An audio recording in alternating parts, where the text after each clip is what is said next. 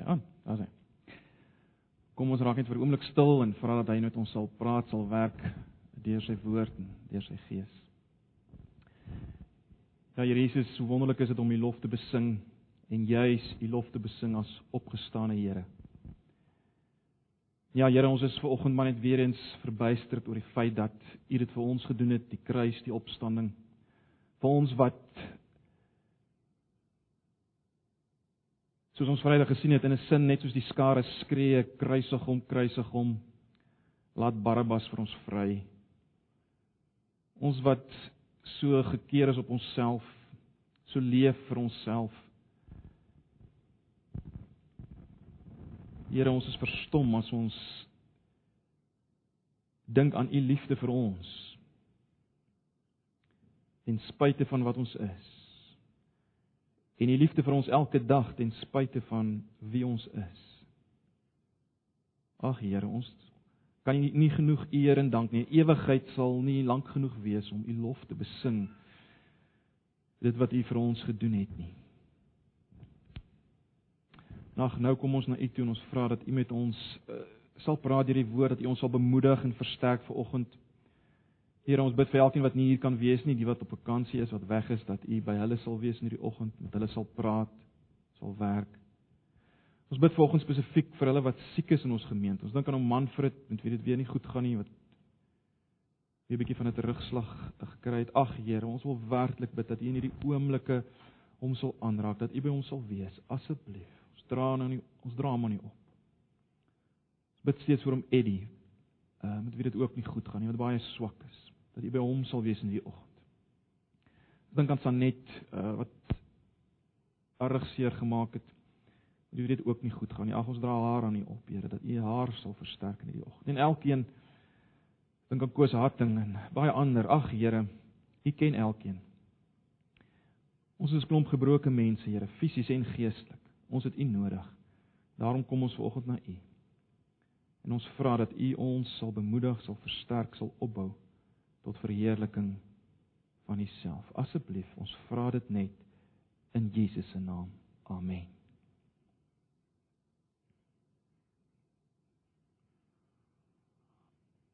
Ja, julle kan uh, solank blaai na 1 Korintiërs 15. Ons gaan nie nou ehm uh, 1 Korintiërs 15 lees nie, maar ons gaan 'n redelike klomp verse uit 1 Korintiërs 15 lees. Ek wil tog maar vra dat julle 1 Korintiërs 15 byderhand sal hou al ehm um, al gaan ons nie nou die hele gedeelte lees nie. Ons gaan wel 'n hele klompie verse lees uit 1 Korintiërs 15. Goeie gedeelte om te lees uh, in die opstanningstyd Paastyd is 1 Korintiërs 15. Hoe het dit gebeur dat 'n groepie 11 eenvoudige manne, meeste van hulle vissermanne, een sal se tollenaar. Hoe het dit gebeur dat 11 eenvoudige arme manne wat agter Jesus van Nasaret aangestap het 2000 jaar gelede, hoe het dit gebeur dat hulle so vermeerder het dat ons vandag sit met 'n situasie in die wêreld waar een uit elke 3 mense hulle self as Christene identifiseer. Nou, ons is nie vanoggend hier om uh, te redeneer of hulle werklik Christene is of nie. Die punt is, dis 'n geweldige beweging, is dit nie? Vanaf 11 tot hierdie werklikheid waarmee ons vandag sit. Hoe het dit gebeur? Wel die antwoord is die opstanding. Ek wil vanoggend die stelling maak dat die opstanding die belangrikste gebeurtenis in die kosmos is. Of was? Ons het Vrydag gesien dat die die kruisiging het kosmiese uh betekenis gehad. Ons het gepraat oor die geweldige ding wat daar gebeur het, die geweldige realiteit waarvan die uh geskeurde voorhangsel praat. Maar broers en susters, laat ons eerlik wees mekaar. As Jesus in die graf gebly het, was dit maar net nog 'n martelaar storie. Nog 'n martelaar wat gesterf het vir 'n goeie saak. Daar was baie van hulle in die geskiedenis mense wat vir mooi ideale gesterf het. Niemand sou bereid wees om hulle lewens op die spel te plaas vir so iemand. Die feit dat Jesus van Nasaret uit die graf uit opgestaan het, het die wêreldgeskiedenis vir altyd verander. Dis 'n feit. Maar terselfdertyd moet ons sê dat die opstanding van Jesus is die grootste struikelblok vir die wêreld, is dit nie? Kyk, om te glo dat die man Jesus van Nasaret eenmal 2000 jaar gelede geleef het, fisies werklik geleef het en dat hy fisies aan 'n kruis gesterf het. Wel, dis nie so seer 'n probleem nie, né? Nee. Ek weer eens, weer eens, baie martelare het gesterf vir 'n goeie saak. Baie fanatiese ouens. En dit maak nie eintlik werklik 'n verskil aan jou bestaan en jou uitkyk op die lewe nie. Maar dit is moeilik. Kyk, verseker, is dit moeilik om te glo dat iemand na 3 dae uit die graf uit opgestaan, wakker geword het, opgestaan het, volkome gesond, volmaak lewend. Ek meen dis buite ons eh, ervaringsveld, is dit nie? Dit gebeur nie. Dooie staan nie op nie. So dis moeilik om te glo. Maar meer as dit, luister mooi, meer as dit. Die oomblik as jy moet glo dat dieselfde man wat aan die kruis gesterf het, histories werklik uit die dood opgestaan het, wel dan word jou hele bestaan en jou hele uitkyk op die werklikheid radikaal uitgedaag, is dit nie? Hoekom? Hoekom word dan radikaal uitgedaag? Wel, eenvoudig, dan was daardie man meer as net 'n mens. Meer as net maar nog 'n martelaar wat vir 'n ideaal gesterf het. Dan was hy iets soos 'n godmens, nie waar nie? En dan kom alles wat hierdie man gesê het tydens sy lewe, kom in 'n ander lig te staan, is tog net so. Dan kom alles wat hy gesê het in 'n ander lig te staan. En daarom is dit moeilik om dit te glo.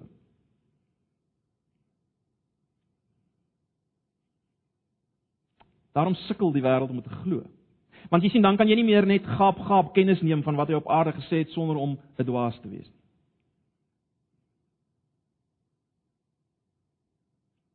Maar daar's nog 'n rede waarom die wêreld dit moeilik vind om die opstanding te glo en daardie rede is ek en jy. Ek sê dit weer, daar's nog 'n rede waarom die wêreld sukkel om die opstanding te glo en die rede is ek en jy. Met ander woorde, mense wat bely dat hulle glo Jesus het opgestaan, maar hulle leef nie asof dit waar is nie. Waarom is dit so? Waarom het ons wat ek so stel, waarom het het die, het die waarheid van die opstanding dikwels nie 'n impak op ons daaglikse manier van lewe nie? Wel, ek dink een van die redes en uh, let wel ek sê een van die redes is nie noodwendig die enigste rede nie, maar een van die redes daarvoor is definitief dat ek en jy Christene oor die wêreld en dikwels nie die lyn trek wat die Nuwe Testament wil trek tussen Jesus se liggaamlike opstanding en my en jou liggaamlike opstanding nie. Jy sien ons glo nie werklik ons gaan opstaan nie. Dis een ding om te glo Jesus het daar ver weg 2000 jaar gelede opgestaan. Maar 'n ander ding om te glo ons gaan opstaan. Elkeen van ons, klein en groot. En omdat ons dit nie werklik glo nie, broers en susters, daarom leef ons dikwels asof hierdie lewe die enigste realiteit is. Dit wat ek hier kan kry vir myself. Hier en nou, myself kan bevredig. Dis waarvoor ek leef. Nou, dit bring ons by Korintiërs. dit was die probleem in die Korinte gemeente. En dis waarom Paulus 1 Korintiërs 15 neerpen. Uh en dis waarna ek wil hê ons moet 'n bietjie kyk. Kyk net na hierdie ouens se lewensfilosofie. Dit kom deur daarin vers 32, 1 Korintiërs 15 vers 32b. Uh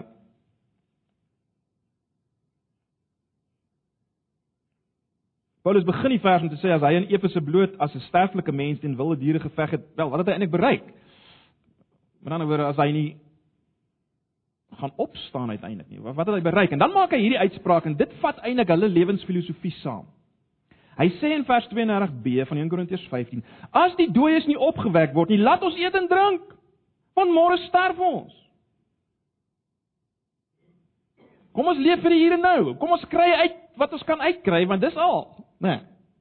En dan sê Paulus in vers 33: Moet julle nie langer laat mislei nie. Slegte geselskap bederf goeie sedes. Kom tot besinning vers 34 en moenie langer sonde doen nie. Party van julle sonder kennis van God. Dit sê ek tot julle skande. So dis vir hierdie ouens met hierdie lewensfilosofie dat Paulus nou in die eerste verse baie duidelik maak, wat is die gevolge as Jesus nie opgestaan het? Wat beteken dit as Jesus nie opgestaan het? Anders gestel, hy wys vir hulle dat as Jesus nie opgestaan het nie, dan is hulle lewensfilosofie eh, filosofie van net leef vir elke dag se eet en drink, dan is dit heeltemal in pas. Hy was dit reg. Ek bedoel, dit is so. Leef net vir die oomblik. Maar natuurlik is die teenpool van die uh die die die die die ander kant van die muntstuk natuurlik dan ook waar, nê? Nee? En dis die punt wat hy wil maak. As Jesus wel opgestaan het, wel dan is hierdie lewensfilosofie van eet en drink, môre sterf ons, dan is hierdie lewensfilosofie vir die blote lewe vir vir die hier en nou wel dan's dit dwaasheid en dis die eintlike punt wat hy wil maak, nê? Nee? So kom ons kyk net bietjie na 1 Korintiërs 12. Ag, 1 Korintiërs 15 na vanaf vers 12 tot 19. Wat is die implikasies uh as Jesus nie opgewek is nie? Kom ons lees maar net daarvan vers 13 af. Van 1 Korintiërs 15. As daar geen opstanding van die dooies is, is nie beteken dit dat Christus ook nie opgewek is nie. Nou gaan hy sê in vers 14 wat wat wat sou dit behels as Christus nie opgewek is? Vers 14 van 1 Korintiërs 15. En as Christus nie opgewek is nie, is ons prediking sonder inhoud en julle geloof ook sonder inhoud. Verder sou dit beteken dat ons vals getuienis oor God afgelê het omdat ons teen God ingetuig het dat hy Christus opgewek het. Kom ons kyk net na vers 17. Ons gaan net nou aanraak aan die ander verse. Vers 17: En as Christus nie opgewek is nie, is julle geloof waardeloos en julle is nog gevange in julle sondes. Vers 18: Dan is ook die wat in Christus gesterf het verlore. So Paulus kom tot 'n paar skokkende gevolgtrekkings. En hy wil hê die mense, hierdie mense moet dit sien, hierdie ouens met hierdie lewensfilosofie, hy hy wil hê hulle moet sien dat as Christus nie opgestaan het nie, is die apostel se prediking sonder inhoud en daarom eintlik te vergeefs. Dan die apostels hulle tyd gemors. En nou moet ons onthou baie van dit wat die apostels gepreek het, het neerslag gevind in die Nuwe Testament en dit beteken vir ons dat baie van die Nuwe Testament is met ander woorde nonsens onbetroubaar. En daarom kan ons sê dan is die meeste van die preke in Antipas eintlik 'n groot gemors van tyd. Julle kan baie eerder iets anders gaan doen het. En ek kon iets anders gedoen het. As Jesus nie opgestaan het. Ook in vers 14 maak Paulus dit duidelik. Hy sê ons geloof sou te vergeefs wees. Met ander woorde jy sou te vergeefs aan Jesus vashou. Dis eintlik net 'n illusie. Jy verbeel jou jy glo, jy hou aan hom vas, maar dit is nie so nie. As Jesus nie opgestaan het nie, dis alles maar net 'n ligspieeling. Al jou al jou kruisdra, jou selfaflegging, jou selfverloning ter wille van Christus, dis verteel. Dis 'n is 'n vermorsing van tyd. Jy bedrieg jouself. As Jesus nie opgestaan Vers 17, ons sou nog gevangenes van ons sondes wees. Met ander woorde, jy sou nog eintlik maar net 'n is, is slaaf wees van van die vlees, die wêreld en die duiwel. Uh, jy sou nog onder God se oordeel wees. Ek meen eintlik kan jy net sowel in 'n koei geglo het, dit maak geen verskil nie as Jesus nie opgestaan het. Dis wat Paulus sê. Hy gaan verder en hy sê Nie net sou die apostels prediking te vergeefs wees nie. Kyk na vers 15. Die apostels sou vals getuies wees, vers 15. Die apostels sou vals getuies wees. En nou, hulle sou nie net te vergeefs gepreek het nie. Hulle lieg. Hulle lieg. Hulle is vals getuies. Hulle is vals getuies. Met ander woorde, ons glo leuen. As Jesus nie opgestaan het nie, glo ons 'n leuen. Dis wat Paulus sê. Ek meen dit sou die absolute grootste bedrogkomplot van die eeue wees.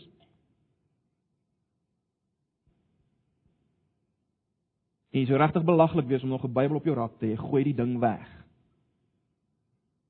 As Jesus nie opgestaan het nie.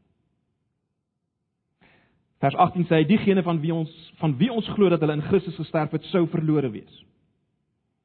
Dan oor al die mense wat jy dink jou ouers miskien, vriende wat jy weet, kinders van die Here was wat gesterf het, wel. Het geen waarborg dat hulle gered is as Jesus nie opgestaan het nie. Dis die punt. Nou vandag is daar baie ouens wat sê, ag, maar kyk, dis nie so belangrik dat Jesus opgestaan het nie, solank hy net in ons harte opstaan.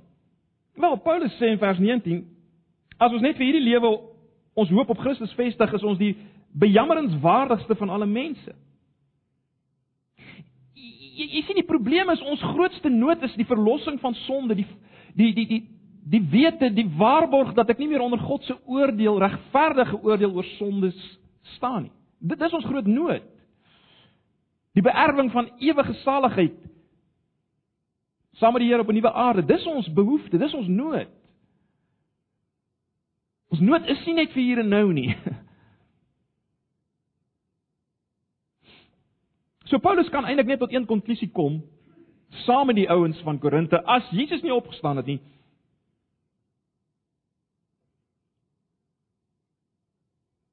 Laat ons eet en drink want môre sterf ons. Jy sien die implikasie van alles is maar as jy opges as hy opgestaan het, dan verander alles, né? Nee, dan is die prediking van die apostels die mees sinvolste lering ooit. Uh, dan dan het dit betekenis wat ons hier doen elke Sondag. Uh, dan is die Nuwe Testament betroubaar. Uh dan's jou vashou aan Jesus, jou geloof uh, is die mees sinvolste ding waarmee jy kan besig wees in hierdie wêreld. Uh dan's jou sondes vergewe. Dan's ons geliefdes wat in Christus gesterf het op hierdie oomblik lewend. As Jesus opgestaan het.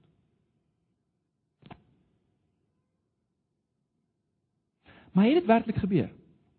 Het hy werklik opgestaan? Ek bedoel dis 'n vraag wat elke denkende mens moet vra. Het hy werklik opgestaan? Nou daar's so baie al hieroor geskryf en ag julle het al baie hieroor gehoor en ek wil nie weer alles herhaal nie, maar ons moet tog altyd onthou daar is iets soos onweerlegbare historiese bewyse. Daar daar is so iets. 'n Historiese feit word normaalweg deur basies 4 dinge bevestig en dis nou maar net so.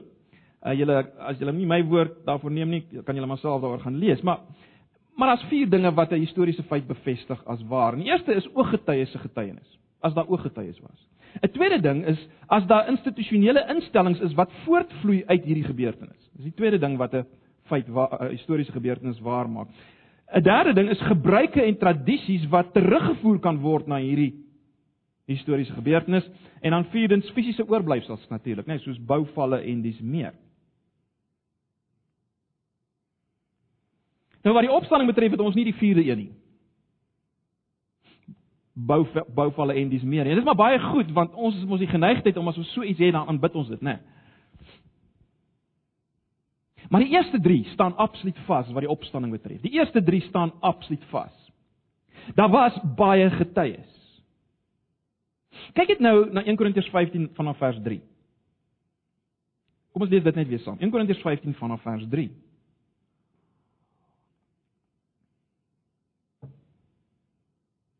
Die belangrikste wat ek aan julle oorgelewer het en wat ek ook ontvang het is dit: Christus het vir ons sonde gesterf volgens die skrifte. Vers 4: Hy's begrawe en op die 3de dag opgewek volgens die skrifte. Hy het aan Sefas verskyn, daarna aan die 12 en daarna aan meer as 500 broers te gelyk, van wie sommige al dood is, maar die meeste nou nog lewe. Daarna het hy aan Jakobus verskyn en toe aan al die apostels. Heel laaste het hy ook aan my, die ontydig geborene, verskyn. En broers en susters, beter bevestiging van 'n historiese feit kan jy nie kry nie, is dit? Ek meen, dis net dis net so, is dit nie? Dis wat Paulus hier probeer sê. Hy het eers aan Sefas verskyn, toe aan die 12, daarna aan meer as 500 broers en Paulus gaan so ver om te sê die meeste van hulle leef nog en hy, jy sien dis 'n geweldige stelling. Want dit beteken jy kan hulle nog gaan vra. Jy sien Paulus se geskrif sou glad nie oorleef het. As jy kon as jy dit kon gaan nagaan of iemand vra en sê maar nee maar dit is nie so nie. Jy sien daar is 500 ouens en hulle dit te gelyk beleef. Met ander woorde, is nie net Piet wat dit beleef nie. Jan het langs hom gestaan toe dit gebeur het en Karel het agter hom gestaan toe dit gebeur het. 500 te gelyk en die meeste van hulle leef nog sê Paulus. Gaan vra hulle. Piet bly daar, Jan bly Jy kan hulle gaan vra. En Paulus sê, "Wel, het aan my ook verskyn." Het aan my ook verskyn. Broers en susters, u sien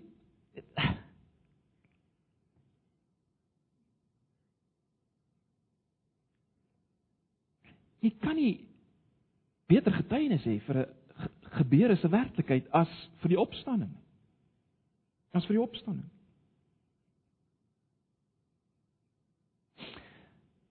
Is daar institusionele instellings wat voortvloei uit hierdie gebeurtenis? Ja, verseker. Die kerk. Die kerk van Jesus Christus. Die opstanding is die sentrale ding in ons geloof. Dis hoekom ons vanoggend hier is en vir, vir meer as 20 eeue is die kerk groeiend, onvernietigbaar, onder vervolging. Uh, kyk maar hoe groei die kerk op die oomblik in China. Geweldig. In die moslimlande.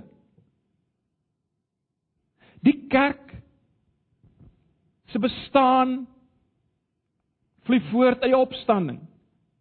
Hier sien die eerste ouens sou nie bereid wees om aan die brand gesteek te word in in in in in, in arenas en vir die leeu gegooi te word as as Jesus nie opgestaan het nie en dis dis die begin van die kerk. Maar goed, uh, ons gaan nie te veel daarop ingaan nie. Is daar enigsins gebruike en tradisies, universele gebruike en tradisies wat teruggevoer kan word aan die opstanding verseker?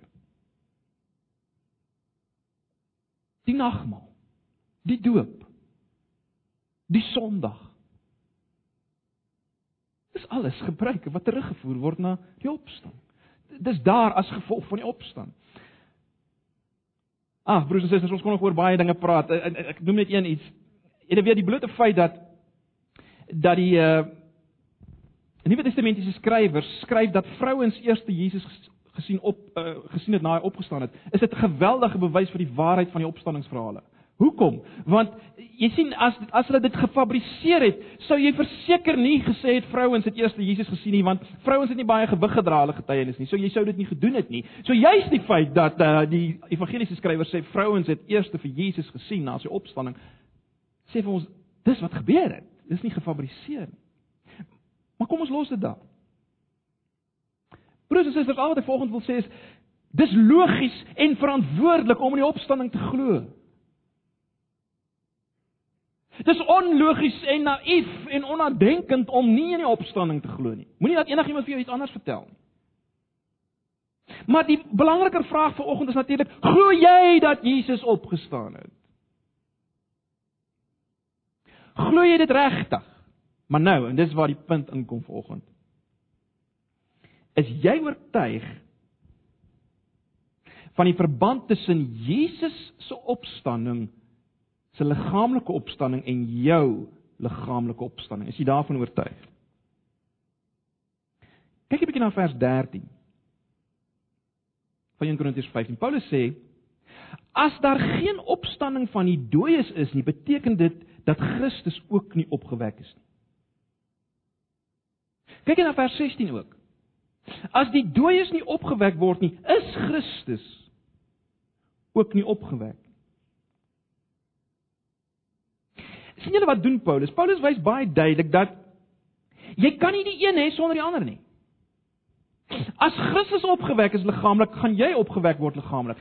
As Christus nie opgewek word opgewek is liggaamlik nie, gaan jy nie liggaamlik opgewek word nie, maar is ook andersom. As jy nie liggaamlik opgewek gaan word nie, dan is Christus ook nie liggaamlik opgewek nie. En dis die vraag. Glo jy werklik Jesus is liggaamlik opgewek?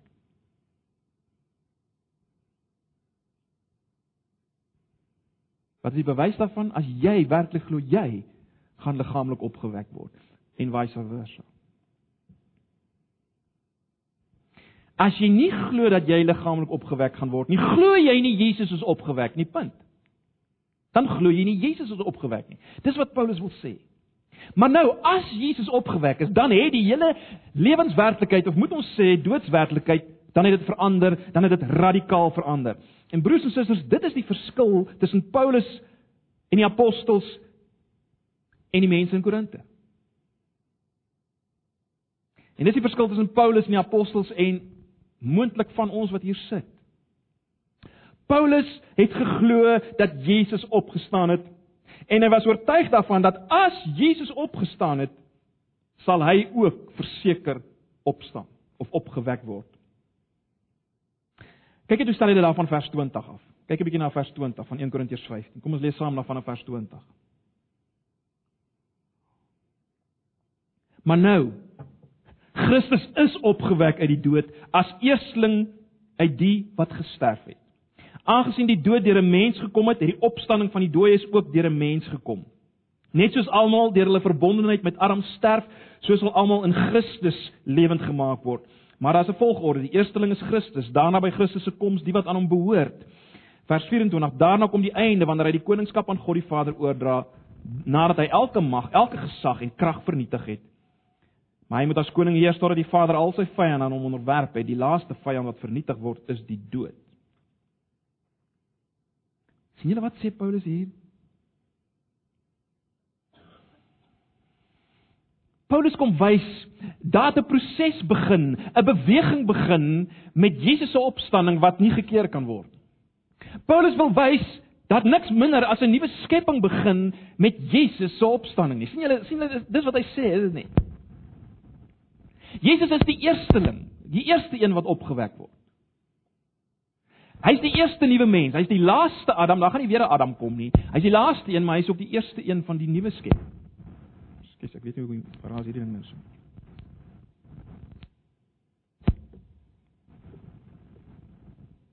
Kom ons kyk.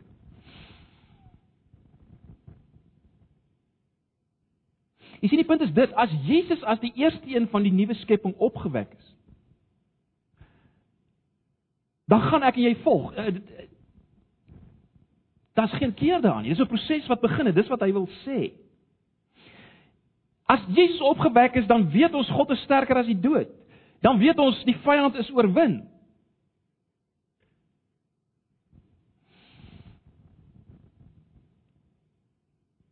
Jy sien daar iets van kosmiese impak begin met Jesus se opstanding. Onomkeer onomkeerbaar. En ons is deel daarvan. Terloops.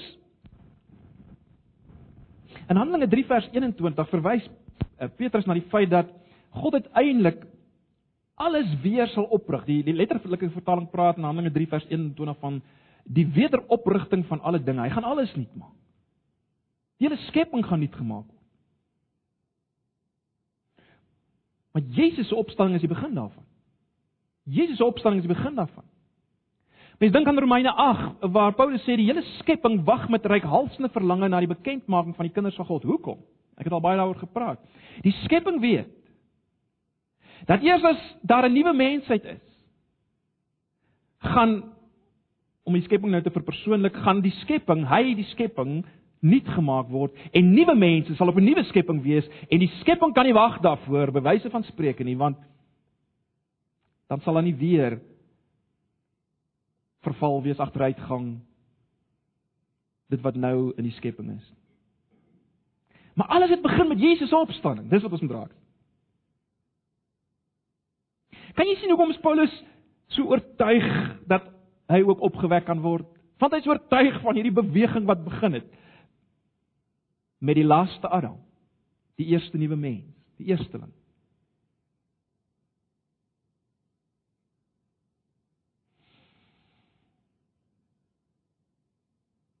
Jy sien, weer eens aan die ander kant, as jy nie oortuig is van wat Paulus hier sê nie, wel, leef vir die oomblik, leef vir jouself, eet en drink en wees vrolik. Dis al wat daar is.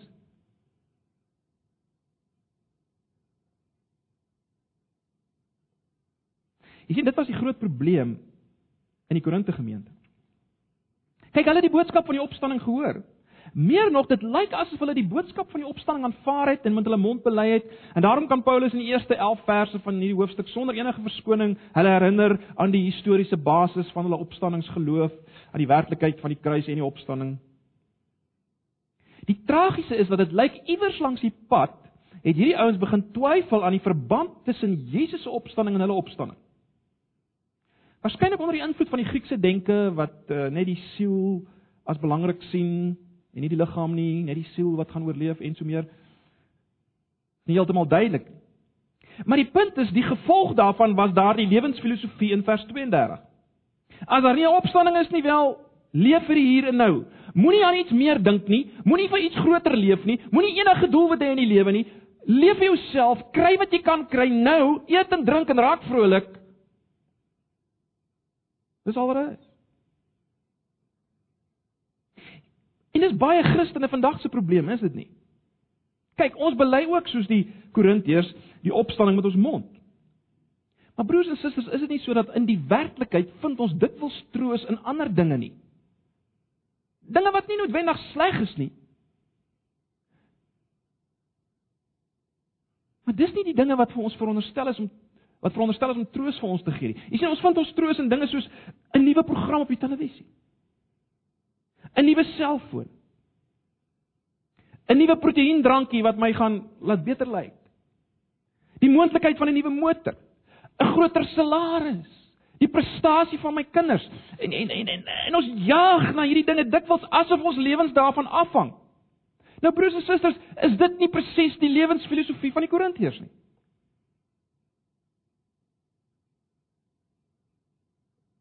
Net oor wat ek nou kan kry, hoe ek bevredig kan word nou. Daar's niks meer nie. En dan natuurlik as 'n geliefde van ons sterf, dan stort ons lewens dikwels in duie. Paulus kom sê vir ons wat so lewe, julle het geen kennis nie, vers 34. Julle ken nie God nie. Julle weet nie waaroor dit gaan nie. So die punt is broers en susters, Paulus wil hê dat die Korintiërs en ons moet weet verseker weet Jesus is opgewek vers 20 en daarom jy sal opgewek word. Ons moet dit weet. En en en hy wil hê ons moet in die lig daarvan begin leef. Paulus wil hê jy moet weet jy met jou siel en liggaam jy as mens gaan opgewek word. En daarom kan en moet jy begin dink daaroor. Daarom kan en moet jy daaroor praat en dink. Want dis die grootste werklikheid van jou lewe. Jou grootste deel van jou lewe gaan jy met jou nuwe liggaam deurbring. En dit verander natuurlik jou manier hoe jy dink oor wat jy hier doen. Radikaal, né? Nee.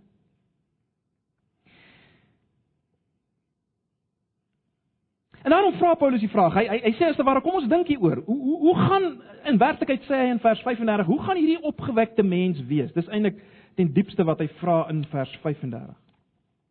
Uh as hy sê hoe word die dooies opgewek? Watter soort liggaam sal hulle hê? Uh, hy vra eintlik hoe, hoe gaan hulle wees? En net so terloops, jy, jy sien wat baie duidelik is, Paulus wil hê ons moet weet jou siel is nie gered as jou liggaam nie gaan opstaan nie. Jy jy moenie die twee losmaak nie. Jy moenie dit weer losmaak nie.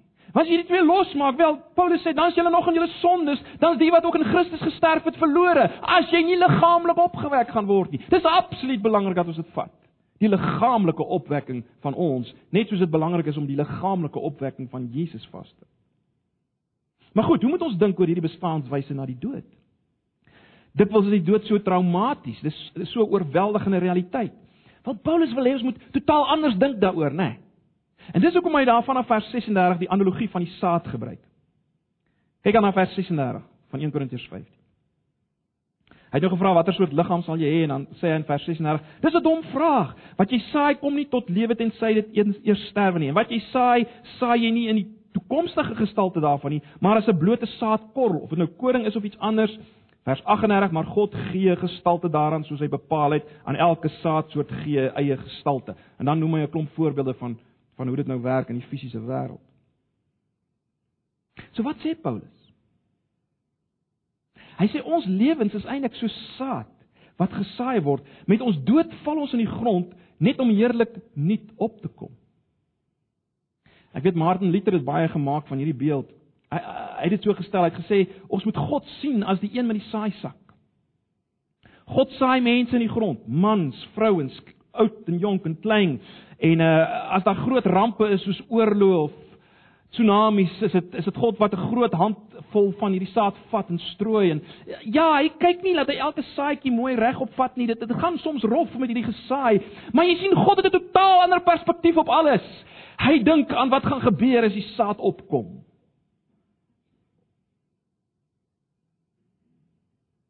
Op die oog af lyk dit asof asof dit net 'n handvol hier is en 'n handvol wat daar gegooi word hier in 'n begrafplaas daar in die see of wat ook al. En en dit lyk soos totale verganklikheid, die einde, maar jy sien God doen dit slegs sodat hierdie saaitjies met groter skoonheid kan opkom in die somer van alle somers. Dis God se perspektief. Hy saai met die oog op hierdie oes. En ja, die saaitjies lyk maar simpel. En die manier hoe hulle gesaai word is nie altyd so volgens ons klinies korrek nie. Maar wat opkom is iets anders. Ons weet dit. Dink aan enige saaitjie. Die saaitjie lyk maar nie vreeslik nie, né? Maar dit wat opkom is geweldig. Pragtig. Dis dis die hele punt wat Paulus hier maak, né? Daarom broers en susters, die 'n begrafplaas is nie bloot 'n bergplek vir dooies nie, dis dis 'n landery vol saad wat net wag vir die somer. Dis so Paulus wil hê ons moet dink. Wat is die sin van hierdie vergelyking tussen die saad en die opstanding? Wel, in die eerste plek wat ons sien na in vers 37 is dat ek en jy gaan nie noodwendig lyk soos ons nou lyk nie. Net soos dit wat opkom nie noodwendig lyk soos dit wat gesaai is nie, né? Nee, ek bedoel die koring wat opkom lyk nie soos die koring saaitjie nie. En dis die punt. Dis al wat Paulus hier wil sê. En dan baie belangrik, die punt wat hy wil maak in vers 38 is dat die vorm van die liggaam berus by God se vrymag. God gee aan elkeen soos hy wil sy eie let wel liggaam. Sy eie liggaam. En dan baie belangrik in vers 40 tot 44 is die punt wat Paulus wil maak dit die liggaam wat opgewek gaan word gaan wonderliker wees as die een wat gesaai is. Dis die groot punt, is dit nie? Die liggaam wat opgewek word gaan wonderliker wees. Waarom? En dit moet ons nooit vergeet nie, né? Waarom kan ons in verganklikheid gesaai word en in onverganklikheid opgewek word? Wel kyk weer na vers 45. So staan daar ook geskrywe: Die eerste mens Adam het 'n lewende wese geword, die laaste Adam het die lewendmakende gees geword. Jy sien die rede waarom ons in verganklikheid op eh, in verganklikheid gesaai kan word en in onverganklikheid opgewek kan word is weer eens Jesus Christus. Jy sien hy's in verganklikheid gesaai.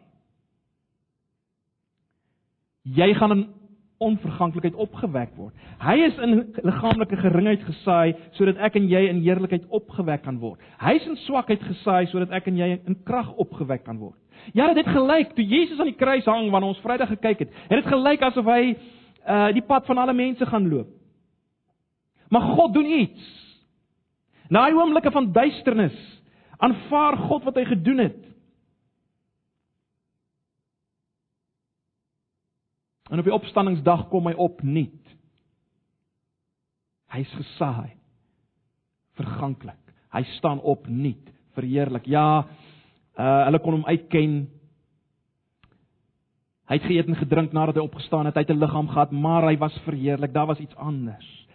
Maar Jesus, baie belangrik, word opgewek met 'n nuwe liggaam. Hy het klaar gespeel met die sonde en die dood. God bewys dat daar klaar gespeel is met die sonde en die dood deur Jesus op te wek. En so word hy, en dis die hele punt uh wat Paulus wil maak in vers 44 en 45.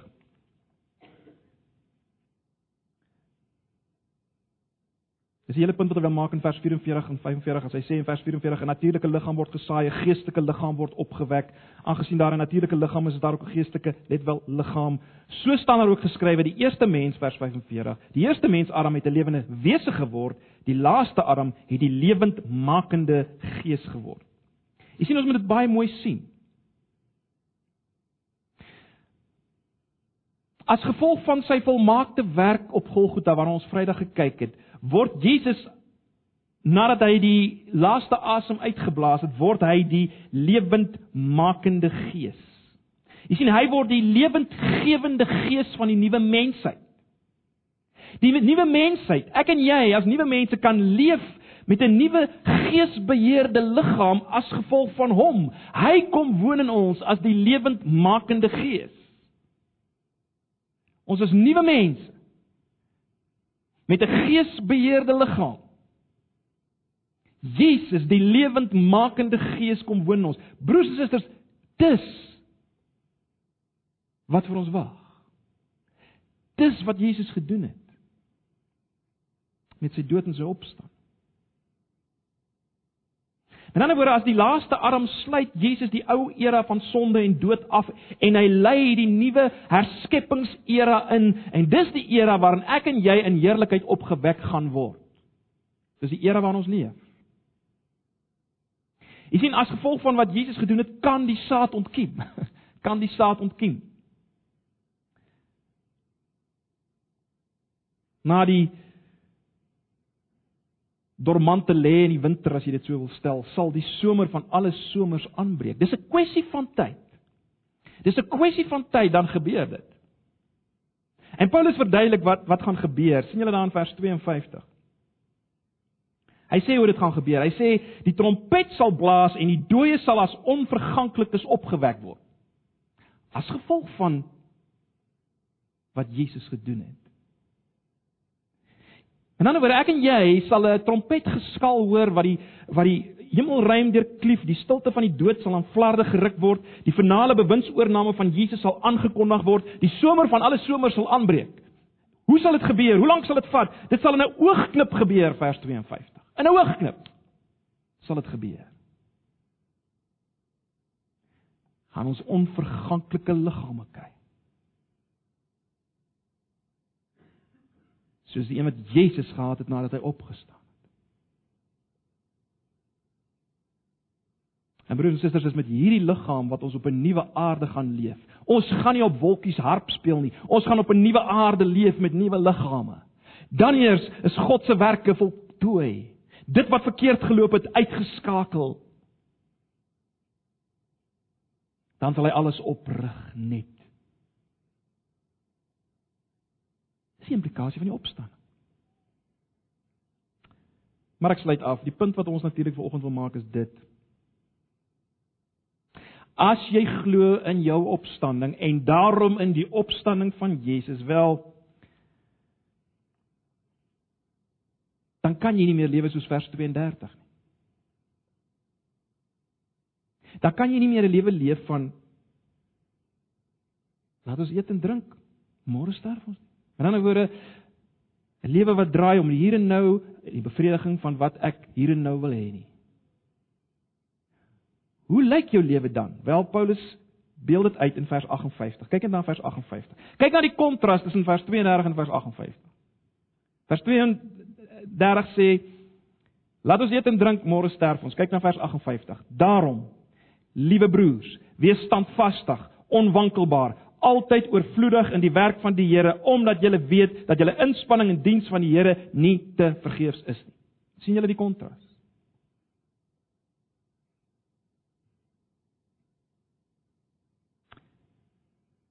Jy kan standvastig wees. Jy kan onwankelbaar wees. Jy hoef nie rondgewaai te word deur allerlei opinies en idees. Die graf is leeg. Jesus het opgestaan. Jy kan oorvloedig wees in die werk van die Here. Alles maak sin. Jy gaan hom weer sien. Dis alles as gevolg van hom. Jy leef nou vir hom en jy gaan vir altyd by hom wees en hom groot maak. En dit verander alles. As dit nie jou jou lewe verander nie, dan sal niks jou lewe verander nie. Niks. Ag, my gebed is broers en susters dat die opstanding, die waarheid en die werklikheid van die opstanding van Jesus en daarom my en jou opstanding ons daaglikse lewe, dit waaroor ons dink en doen en sê en waarmee ons ons tyd deurbring, radikaal sal verander. Totdat ons hom weer sal sien, saam met hom sal leef op 'n nuwe aarde met 'n nuwe liggaam. Broers en susters, dit is die realiteit. Kom ons bid saam.